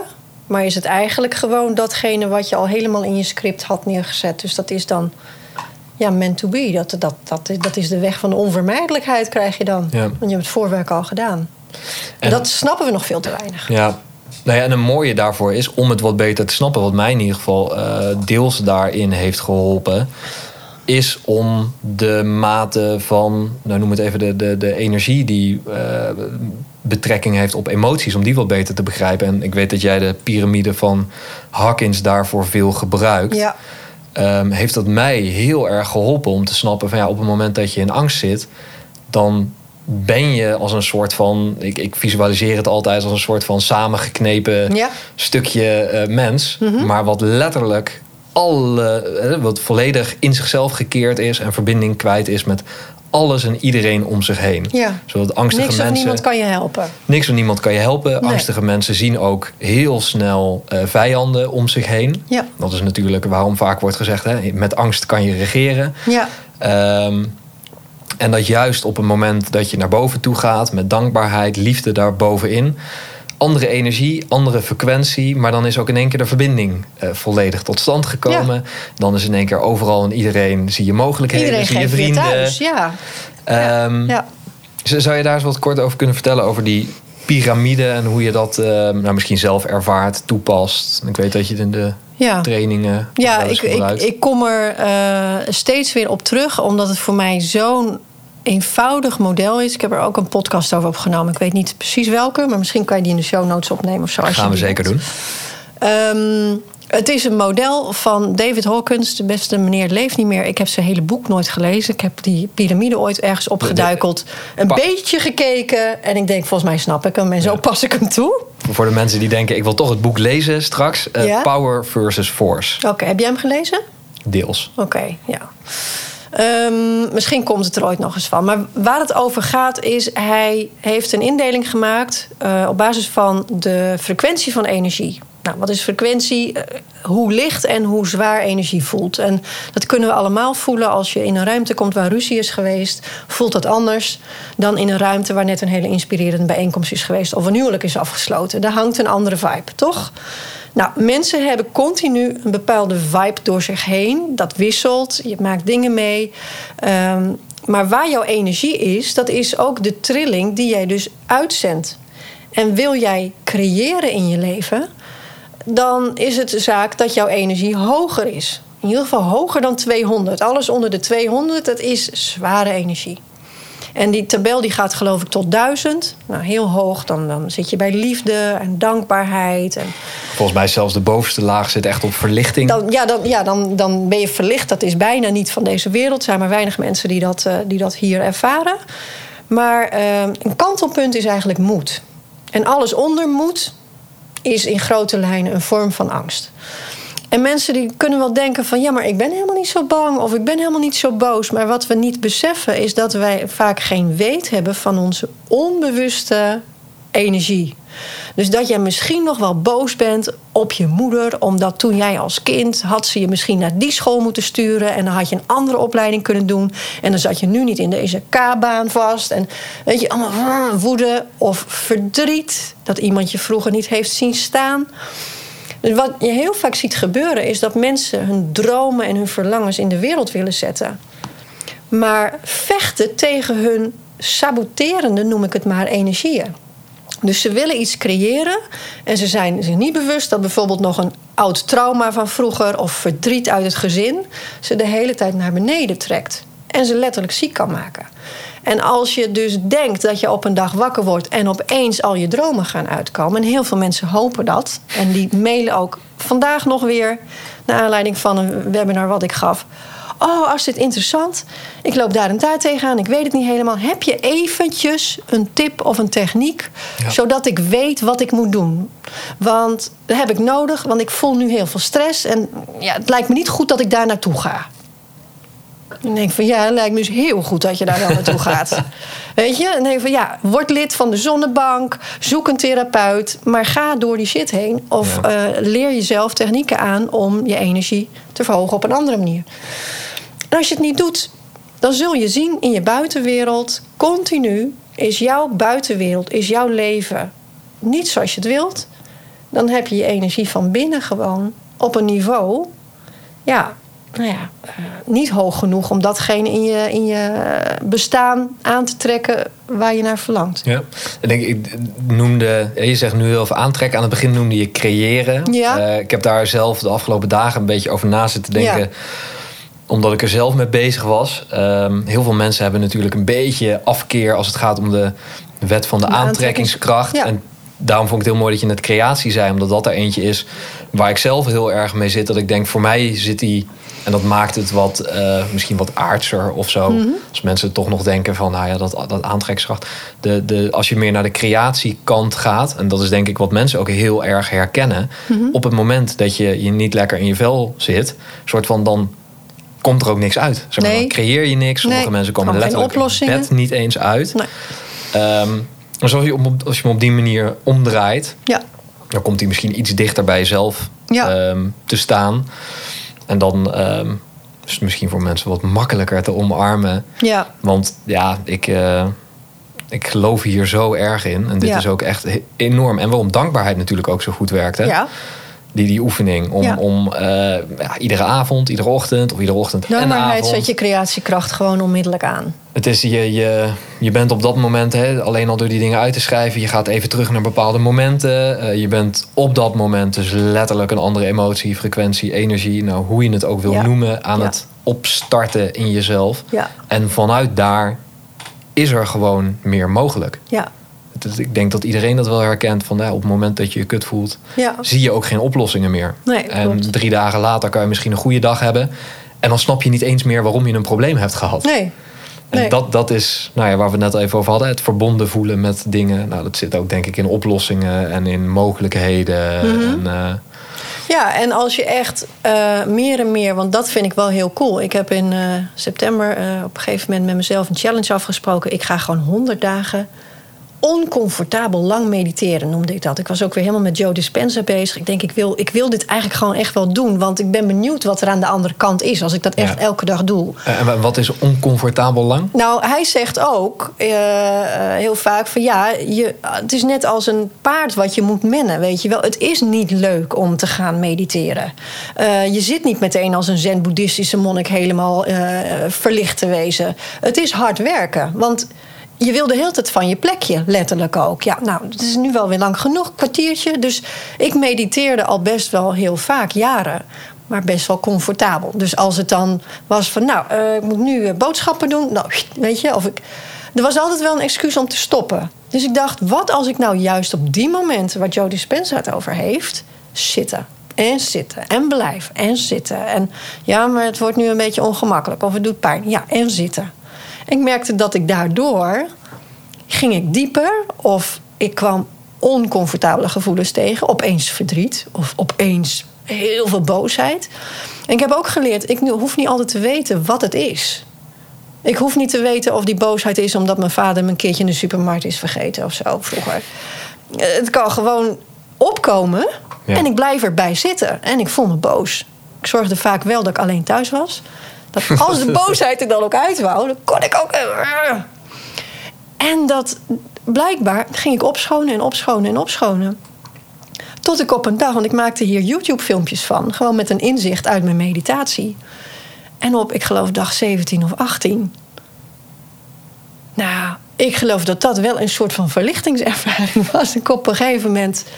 Ik heb mezelf opgenomen, ik heb hem niet gepubliceerd, hij is voor mezelf, maar ik zit alleen maar. Mijn ogen flitsen alle kanten op. Alsof die hersenhelften ook iets zo samen. dat, dat, er, dat er verbindingen worden gelegd. Nou, ik snapte het leven. En ik snapte alle problemen van deze hele aardbol. En ik, ik denk van, nou, waarom bellen ze mij niet? Zo zat ik paar minuten. Het lijkt me een hele bizarre Het- ervaring. ja, nou, ik ben echt twee weken ontoerekeningsvatbaar geweest. en net in die tijd had ik een soort van challenge online. Dus Ja. mensen hebben dit online van mij ook meegekregen. Dat ik helemaal. eh, Maar ja, daarin ben ik dan ook van ja, ik heb wel door dat dit een beetje andere afzet is. Maar ik deel het gewoon, want dit kan dus gewoon gebeuren. En heel even voor de mensen die aan het luisteren zijn. eh, dit was gewoon puur op meditatie. Ja, Geen, je hebt geen, niet ergens een geen potje, met geen... nee, nee. wel met al het. Ik denk natuurlijk wel met al het voorwerk en opruimwerk wat ik in de loop der jaren al heb gedaan. Ja. Uh, maar ik, zeggen, ik ben. Eigenlijk wil ik nu wel weer dat mediteren ook gaan doen. Maar ik ben ook een beetje van geschrokken. Want uh, het zette zoveel in beweging. Alles moest opeens anders. Mijn bedrijf moest helemaal anders. Ik zei tegen mijn, uh, mijn medewerkers: Ah, al die to-do-dingen, we gaan het anders doen. Ik ga Mark Zuckerberg ook niet meer betalen voor Facebook marketing. Dat is zo 2009. Kan allemaal anders. Mensen komen naar me toe. Ik ben een magneet. Ik, ik, weet, ik weet niet wat ik allemaal uitkraamde. En ik geloof ook dat dat kan, maar inmiddels geloof ik ook dat dat nu nog niet zo is. Dat dat misschien wel over 200 jaar is of zo. Dat je een bewustzijnsverruiming kunt hebben, dat je opeens allemaal dingen ziet, maar het luik is bij mij ook weer dicht gegaan. Ja. Ik, ik heb zelf, um, toen ik de NLP-opleiding deed, een paar keer, en dat aan de hand van oefeningen waren dat, en volgens mij een paar uh, overtuigingsveranderingen. Eentje die ik nog heel goed kan herinneren... is dat nou, volgens mij waren op vrijdag kwamen we klaar... en ik heb van vrijdag tot en met maandagochtend... eigenlijk alleen maar zoiets gehad van... nou, niet dat ik soort van alle problemen van de wereld um, begreep of zo... Hmm. maar dat ik in één keer dacht... oh ja, maar ik, alles in mij is nu klaar. Soort van, ik was helemaal... Ik, ik snapte alles wat dat betreft. En ik wist ook, oh nee, maar dit kan ik zo... en dat kan ik zo en dit kan ik zus en dat... En ja, nou ja, verlicht is het niet, maar het voelde wel licht. Ja, maar Een soort ik... van dat ik dacht, oh nee, maar nou ja, laat ik zo. Op dat moment voelde het niet alsof er ook nog maar iets miste, nee. incompleet was. Nee. Het, voelde, nou, dat, compleet. het voelde compleet. Ja. En dat was een super weirde ervaring. Ja. En ik vond het ook, nou ja, nu dus nog steeds heel moeilijk om mijn woorden aan te geven. Ja. Um, en daarna was het ook inderdaad maandag, dinsdag was, was het, het, ook weer, weer ja. terug naar uh, het, nou niet helemaal het oude, maar een gradatie terug in ieder geval weer. En ik denk dat dat in de piramide een moment is dat je inderdaad relatief heel hoog zit. Ja.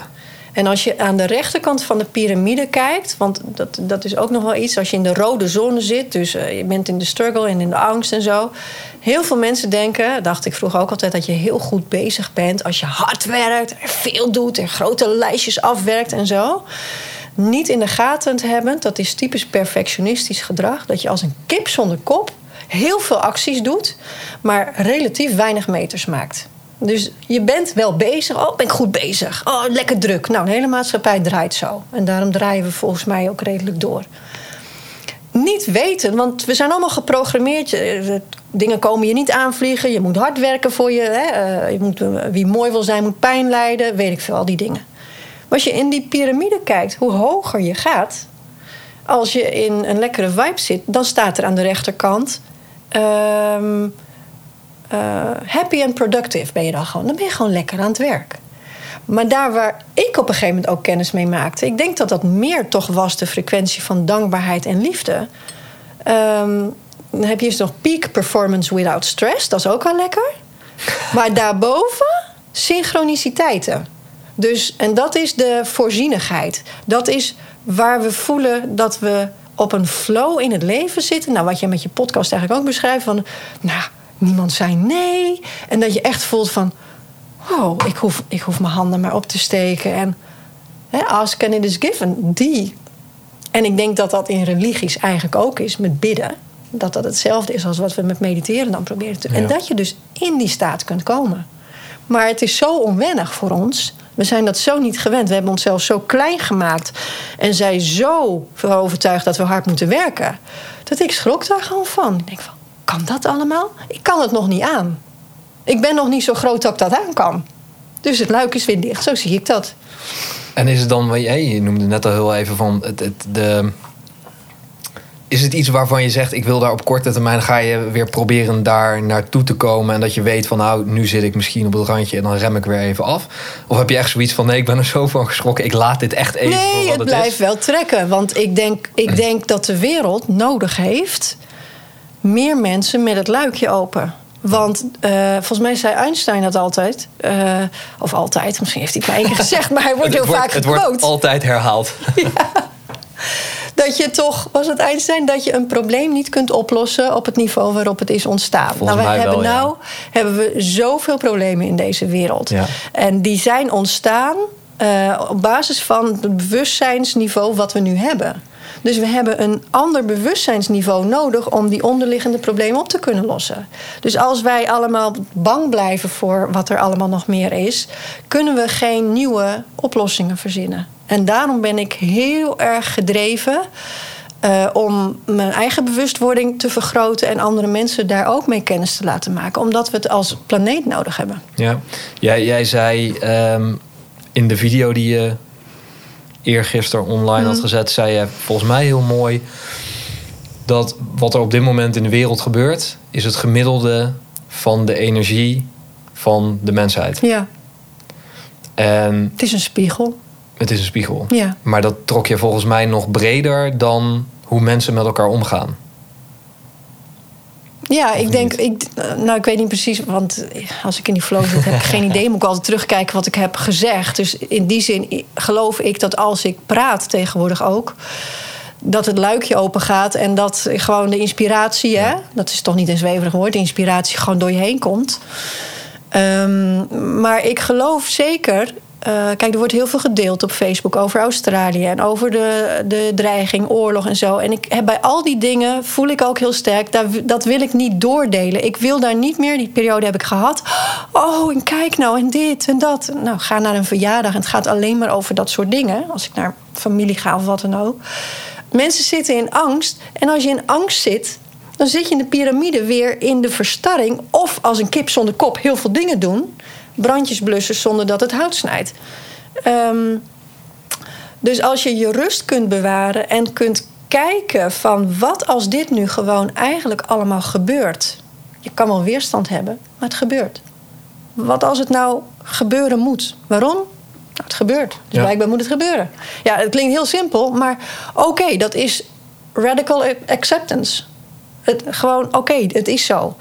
Nou wat? En dan? Ehm, ja, en dan dus niet willen vechten tegen dat dit nu gebeurt en andere mensen de schuld geven, maar stap voor stap, persoon voor persoon. En niet iedereen in dit leven zal die oogjes openen. Dat hoeft ook niet. Maar ik geloof echt wel, ik heb er ook veel over gelezen, dat er een kritische massa bereikt kan worden van mensen. Dat, dat er ergens één poppetje net dat verschil gaat maken. Dat we aan de juiste kant van de weegschaal zitten. En dan versnelt opeens heel veel nieuwe technologie of ontwikkelingen of samenwerkingen tot stand kunnen brengen. Dat, dat geloof ik. Ja, en de, de, ik denk dat, hè, want dit is natuurlijk iets wat, ehm, en vooral als het om wereldproblematiek gaat, dan hebben de meeste mensen al zoiets, ja, maar ja, daar ga ik niet over. En ik denk wat jij net heel mooi noemt, is van, nee, maar waar ik wel over ga, is over mezelf. Ja, En als we allemaal zoiets hebben van nee, maar de ander moet het oplossen. Of ik ben de president niet, dus ik heb hier geen invloed op. En dan blijven we natuurlijk hangen in hetgeen waar we al in zitten. En Ja. ik denk dat het heel goed is om te beseffen, ja, wil je, als je het inderdaad zo erg vindt, nou begin in ieder geval dan al bij jezelf. ja, Om er een verandering, een kanteling, eh, hoe je het ook wil noemen, ja, in te zetten. ja. En als je dan die piramide noemt, om daar wat hoger in terecht te komen. En mensen luisteren dit en denken: hey, dat vind ik tof. Mhm. Dankbaarheid is iets wat ik doe, ken. eh, dat, dat, ga ik iets, dat ga ik eens proberen. Ja. Ken, ken jij nog meer methoden, eh, dingen om ehm, daar naartoe te werken? Of nou, los wat- van de methodes, wat ik nog heel graag even wil aanstippen. want, want, want mensen zijn inderdaad heel erg snel ge- geneigd om te zeggen: daar ga ik niet over. Er zijn van die camera's die volgens mij je aura kunnen ehm, eh, fotograferen. Is het niet opgenomen? Ik ben heel aan het kijken hoe lang we al bezig zijn. Oké. Maar ik kan niet zien. ga ga Ehm, verder. Ja. Er, is- er is volgens mij apparatuur, want dat zie ik wel eens bij events. Dan laten mensen zien: hé, hey, ik heb mijn aura laten fotograferen. Dan kun je toch zien wat voor energie je om je heen draagt. Als Ja, mensen klopt. zeggen: van daar ga ik niet over, dan hebben ze last van, en dat is heel logisch, van ik ben ik en jij ben jij. Want jouw lichaam houdt daarop en mijn lichaam houdt hierop. Ja. Maar als we hier nou zo'n camera zouden hebben, dan zou jij zien dat als ik me heel erg kloten voel, dat dat impact heeft op jou. Dat mijn kleurtjes energie dan ook mengen, want, want dit is allemaal energie. Dat zal Joe Dispenza ook vast kunnen laten zien. Ik zie dat niet, maar ik voel het wel. Dus er is gewoon één veld. En wij hebben allemaal wel vlees, zeg maar. Maar we zijn allemaal verbonden. En om dan te zeggen, daar ga ik niet over, is gewoon een hele grote grap. En, en heel even voor de mensen die denken... een, een, een foto of een camera van aura's... eh, die daar misschien nog niet eens in mee willen. Dit is zelfs al wetenschappelijk ehm, aangetoond... op basis van ehm, hersengolven, eh, andere dingen die... Nou, HeartMath noemde ik net al even. Ja. We hebben heel veel wetenschappelijk onderzoek gedaan... eh, naar emotie. Ja. Twee mensen in dezelfde ruimte, zet er een schot tussen. Ze praten niet eens met elkaar. Ze zijn gewoon eigenlijk in die zin bijna afgesloten van elkaar. Ze hebben geen contact. Ja. Maar zet ze lang genoeg bij elkaar. En uiteindelijk beïnvloedt de een de ander. Ja, ja dat dus is ook we zo. kunnen er niet meer omheen, dat, het er, dat het niet zo is. Nee, dus wat jij hier denkt. En, en van de week deelde ik iets over mijn dochter in Amerika. Ik ben ervan overtuigd dat als ik positief aan haar denk. en eh, denk in oplossingen voor de uitdagingen waar zij mee staat. dat dat een ander effect heeft dan wanneer ik de hele tijd denk van... oh, en hoe zou het met haar zijn? En als dit maar goed komt. Er zit een oceaan tussen. Maar dat wordt ook gezegd van meditatie. Weet je, dat, dat, dat als wij hier mediteren voor Australië of er alsjeblieft regen mag vallen. Nou, er zijn genoeg mensen die daar ook in geloven. En, en natuurvolkeren die doen dat allemaal ook. En dan kunnen wij denken, die zijn gek met hun regendansen en zo. Maar Ja.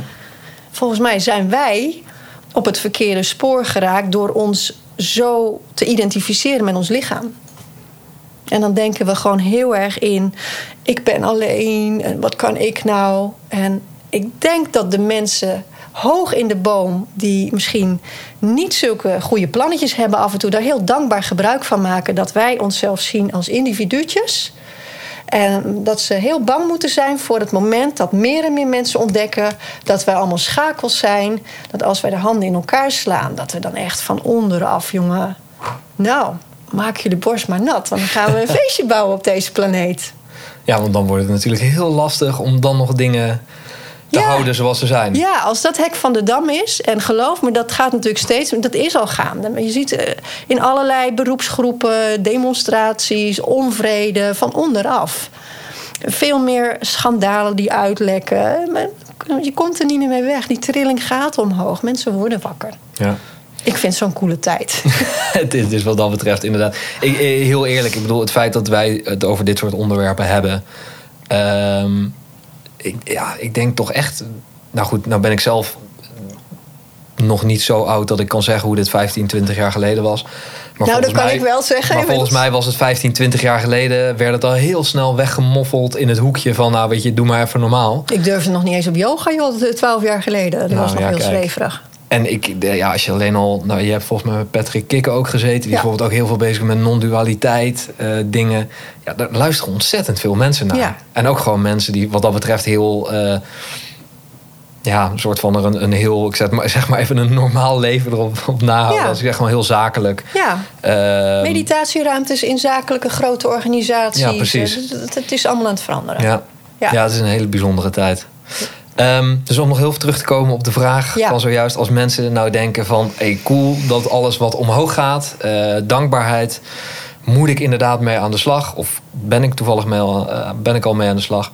Ehm, wat voor een dingen, manieren ken jij nog meer Mhm. voor mensen waarvan jij zegt van dit is echt een goede om voor jezelf eens te gaan proberen? Of zo kan je die frequentie omhoog krijgen? Nou ja, die, die vier vragen. En ehm, ik denk dat als je merkt dat je met, met eh, eenvoudige eh, dingen... want er zijn on- ongelooflijk veel kleine techniekjes die je kunt, kunt toepassen... maar heel vaak kom je op een punt dat je niet verder komt. En dan is er toch vaak ergens een blinde vlek of een, een oud stuk verdriet... iets waar je niet bij kunt. Dan zou ik echt willen zeggen... kijk of je daar professionele hulp bij kunt vinden. Ik ben zelf enorm van eh, therapeuten en hulpverleners die niet zozeer op het rationele zitten, maar op het gevoelsvlak. Of dat nou een lichamelijke aanpak is, dat je leert te voelen, dat je naar een hypnotherapeut gaat, wat ik zelf ook eh, heel lang heb gedaan en af en toe nog wel eens doe. Op NLP-vlak. Maar in ieder geval. Weten is waardeloos zonder de ervaring en zonder het voelen. Want mensen denken heel vaak: oh nee, maar dat weet ik al hoor. Dat, heb, dat boek dat heb ik al gelezen, die cursus heb ik al gedaan. Ja, oké. dus jij weet nu wel dat je goed genoeg bent. Je weet dat je een prachtig, wonderbaarlijk wezen bent. Maar voel je het ook zo? Als jij nu tegen je man zou moeten zeggen... eh, of willen zeggen van... hé hey, schat, ik ga niet mee naar je moeders verjaardag... want ik ben moe. Voel je dan heel schuldig? Of voelt dat dan als... hé, hey, ik kan die keuze maken voor mezelf... want ik moet eerst voor mezelf zorgen. Nou, dat is voor heel veel van mijn volgers altijd al een gewetensvraag... waarbij ze zeggen, oh, nee, dat is ongemakkelijk. Dat durf ik niet zomaar. Wat zou mijn vriendin ervan zeggen? Wat zou die zeggen? En dat kun je met kleine techniekjes wel proberen te pareren. Maar ik denk dat er toch heel vaak een hele eerlijke, directe confrontatie met je eigen verdriet of pijn nodig is. En je kunt gewoon gaan zitten ook. Ja. Op je kussen of op je bed hoeft voor mij niet in een, in een hele nette houding. Kan ook een beetje onderuit. Maar doe je ogen eens dicht. Ja, maar dat vind ik zo ongemakkelijk. Dan is het zo onrustig in mijn hoofd. Ja, ook dat alleen al. Zoek de weerstand. Ja, op. en ga eens, ga, word je bewust dat je kunt observeren wat je denkt. En dat je niet denkt dat jij die gedachte bent. Maar dat je eigenlijk je verbaast, zo met je armen over elkaar, je eigen gedachten even aanhoort. Dat je denkt van, wow zeg. En nu dit, en nu dat. Heel veel mensen denken dat ze meteen stil moeten zijn. Je hoeft alleen maar eigenlijk jezelf beter te leren kennen... en je te verbazen hoe druk het is Ja. oefening geslaagd. En dan zul je merken, als je er geen doel aan hangt van ik moet dit zo lang of ik moet binnen zoveel tijd zo stil zijn of zo. Nee, gewoon ervaren. Dan wordt het vanzelf op een gegeven moment wel rustiger. Misschien duurt dat een half jaar. Zou zomaar kunnen. Zou zomaar kunnen, ik heb geen idee. Maar accepteer dat dan inderdaad. Ja. Ja. Nou, ik, de, een van de dingen, dat vind ik wel heel erg mooi. Je zei net ook al van het werk van Joe Dispenza. Ehm, daarin schrijft hij ook van het, het, je moet echt aan de slag. Ja. Het, het is niet ga even een, een, een paar uur mediteren en dan komt er van alles. eh, Nee. een soort van, sommige mensen zeggen ook van het heeft twee jaar geduurd voordat Ja. ik eh, dat. Maar ik heb wel iedere dag dit gedaan. Nou heb ik heel toevallig zelf gisteren de ehm, Energy Blessings Mhm, Blessing of the Energy Centers. Blessing of the Energy Centers gedaan. Ja, Ehm, nou ja, ik, ik, de- ik laat altijd heel veel dingen open voor mezelf. Want dit gaat dan bijvoorbeeld over chakra's. Nou ja, ik heb daar 0,0 verstand van. Dus ik kan er überhaupt ook niks over zeggen of het wel of niet bestaat. Of, wat. maakt me ook helemaal niet uit. Ehm, maar die meditatie gewoon gedaan, gewoon gevolgd. Ja, en dan na 40 minuten, ik, ik, nou, dat is weer zo'n moment. Ik kan niet omschrijven wat er op Nee. dat moment gebeurt. Ja. Eh, het enige wat ik weet is dat het echt een briljant gevoel was. ja, Ehm, en dan, dan denk ik, oké, dus dit moet ik vaker doen. ja. En tussendoor was het inderdaad niet altijd even prettig. Eh, tussendoor komt er een traan over mijn gezicht. Ehm, waar dat ook vandaan komt. Ja. Geen idee. Nee, Maar in één keer voel ik het. En dan denk ik, ah, oké, cool. ja, precies. Inderdaad. Mooi. En dan dat, ja, het is. ehm, maar dat is dus ook een, een manier. Bijvoorbeeld eh, de, de YouTube. Zoek dingen op, meditaties, dit soort dingen. En Ja. volg ze gewoon. Maar het zijn Ja. vaak wel de wat langere. Die 5 à 10 minuten meditaties zijn. is natuurlijk goed om mee te beginnen. Ja, Ehm, maar ik zou iedereen dus willen adviseren: probeer het eens een keer een uur. Gewoon Ja. in het weekend. Ga test voor jezelf eens uit wat dat met je doet. Mhm. Want het kan heel interessant zijn. Ja, ja, absoluut. Ik denk echt. Ehm, We, we hebben geen idee. En ik ook nog niet. Ik, ik, ik ben nu een boek aan het lezen over een meisje. Dat had ik je geappt in Ja. eh, Zwitserland. Eh, dat vind ik interessant. Om, dat is, dus een meisje die is nu volgens mij 18 jaar. Haar moeder heeft een boek over haar geschreven. Want zij heeft echt hele buitengewone capaciteiten. Als wij vijf zintuigen hebben, dan heeft zij er misschien 300 of zo. Dat is, dus die heeft inzage in een verruimde werkelijkheid waar ik helemaal niks van snap. Maar dat vind ik zo interessant om gewoon al kennis te maken met het feit dat er meer bestaat dan wij met onze eigen ogen eh, kunnen zien en oren kunnen horen. En dat merk ik in meditatie ook. Dat deze, dit zijn zulke fopluikjes, die ogen. Want elke keer als je je ogen open hebt, dan is je realiteit, denk je, dat wat er is. Maar ik heb nu een leesbril, dus ik weet dat dat niet klopt. Want ik kon eerst meer zien. En een stukje van de werkelijkheid is dus aan het verdwijnen uit mijn netvliezen, Ja, snap je? ja, ja. Dus dat staat voor mij symbool voor. eh, wat ik zie is niet per se wat er is. Sommige mensen zien aura's. Ik heb een tijdje gehad, kon ik dat ook zien. Dat is nou even weg. Maar weet jij veel? Dus sluit je ogen eens en laat je verrassen door wat er van binnenuit zich nou ja, aan jou wil laten zien of wil laten horen. Geen idee. Spannend toch? Ontzettend spannend. En ik denk dat dat ook een ontzettend mooie is om eh, bij af te gaan ronden. Ja. Laat je verrassen, sluit je ogen en zie wat er gaat gebeuren. Astrid, ik wil je ontzettend bedanken voor dit wederom leuke en inspirerende gesprek. Ja. Ehm, op het moment dat mensen eh, denken: Goh, wat interessant allemaal. Die podcast van Astrid, de Zonnebank, andere dingen die je hebt genoemd. Waar kunnen ze meer over jou lezen? Ehm, nou, op dit moment eh, sowieso nog via mijn eh, website zoninjeleven.nl. Daar kun je een linkje vinden naar mijn podcasts. Die vind je ook op, eh, op iTunes of op Soundcloud of op Stitcher. De podcast heet ook Zon in je leven. En ehm, ja, anders, want ik denk dat mijn website misschien dit jaar gaat veranderen. Zoek dan op Astrid David Zon met een Z. Mijn boek Prima is Perfect eh, eh, kan ik ook nog steeds aanraden. Het is eh, mijn enige boek tot nu toe, dus ik heb ook nog geen alternatief. Een volgend boek gaat vast weer verder. Maar het is zeker een hele mooie kennismaking. ja, als je op zoek bent naar concrete tools ook om je brein te trainen, breder te denken. Ja, dankjewel voor het luisteren. Ik hoop dat je deze aflevering net zo interessant en boeiend vond als dat ik het vond om dit gesprek met Astrid te voeren en onze ervaringen te delen. Een van mijn mentoren of leermeesters die ik in de afgelopen jaren heb gehad, met wie er nog een aflevering aan zit te komen, Remco Klaassen, leerde mij hetgeen wat het verst van je afstaat, geeft in potentie het meeste groei. En als er iets is wat daar een mooi voorbeeld van is, dan is het wel spiritualiteit. De eerste keer dat ik überhaupt begon met mediteren of me openzetten voor iets wat ik nog niet kende, is er, gebeurde er zoveel. En er is sindsdien ook nog heel veel gebeurd. En dit blijft een onderdeel, dit blijft een vlak waar ik me gewoon ontzettend in kan verdiepen. Wat ik gewoon ontzettend gaaf vind om op onderzoek te gaan. Van er is nog iets wat we gewoon nog niet kennen. Wat we nog niet goed genoeg begrijpen. En in plaats van het opzij te zetten als iets wat onzin is, vind ik het juist tof om ervoor open te staan en te kijken wat ik ervan kan leren. En ik hoop heel erg dat dat ook is wat deze aflevering met jou heeft gedaan. Dat er misschien dingen zijn die je bekend voorkomen en dat het daarom juist leuk was. Of misschien juist omdat dit zo onbekend terrein voor je is, dat dit zo vreemd klinkt, misschien af en toe, dat je denkt van goh, wat leuk dat dit iets is wat nog niet binnen mijn kenniskring valt. Of binnen mijn, binnen mijn, binnen mijn parate kennis, kan ik beter zeggen. En dat je misschien nieuwsgierig bent geworden naar wat dit voor jou kan betekenen.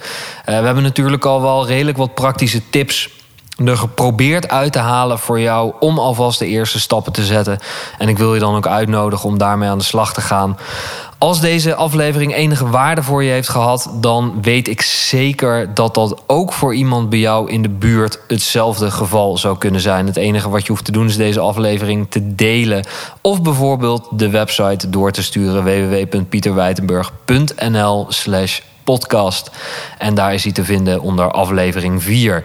Op het moment dat jij hiervan op de hoogte wil blijven en je bent nog niet geabonneerd, zorg dan dat je me volgt via Spotify, abonneert via Apple Podcast of via Google Podcast of al die andere kanalen. Ik ben overal te vinden. Heb je deze nou geluisterd? En ja, dat doe je, want dat ben je op dit moment aan het doen. Maar je wil misschien ook het beeld erbij hebben. Dat kan, want ik ben ook op YouTube te vinden. Kijk dan even op www.youtube.com slash Pieter. En daar kan je ook de aflevering terug kijken.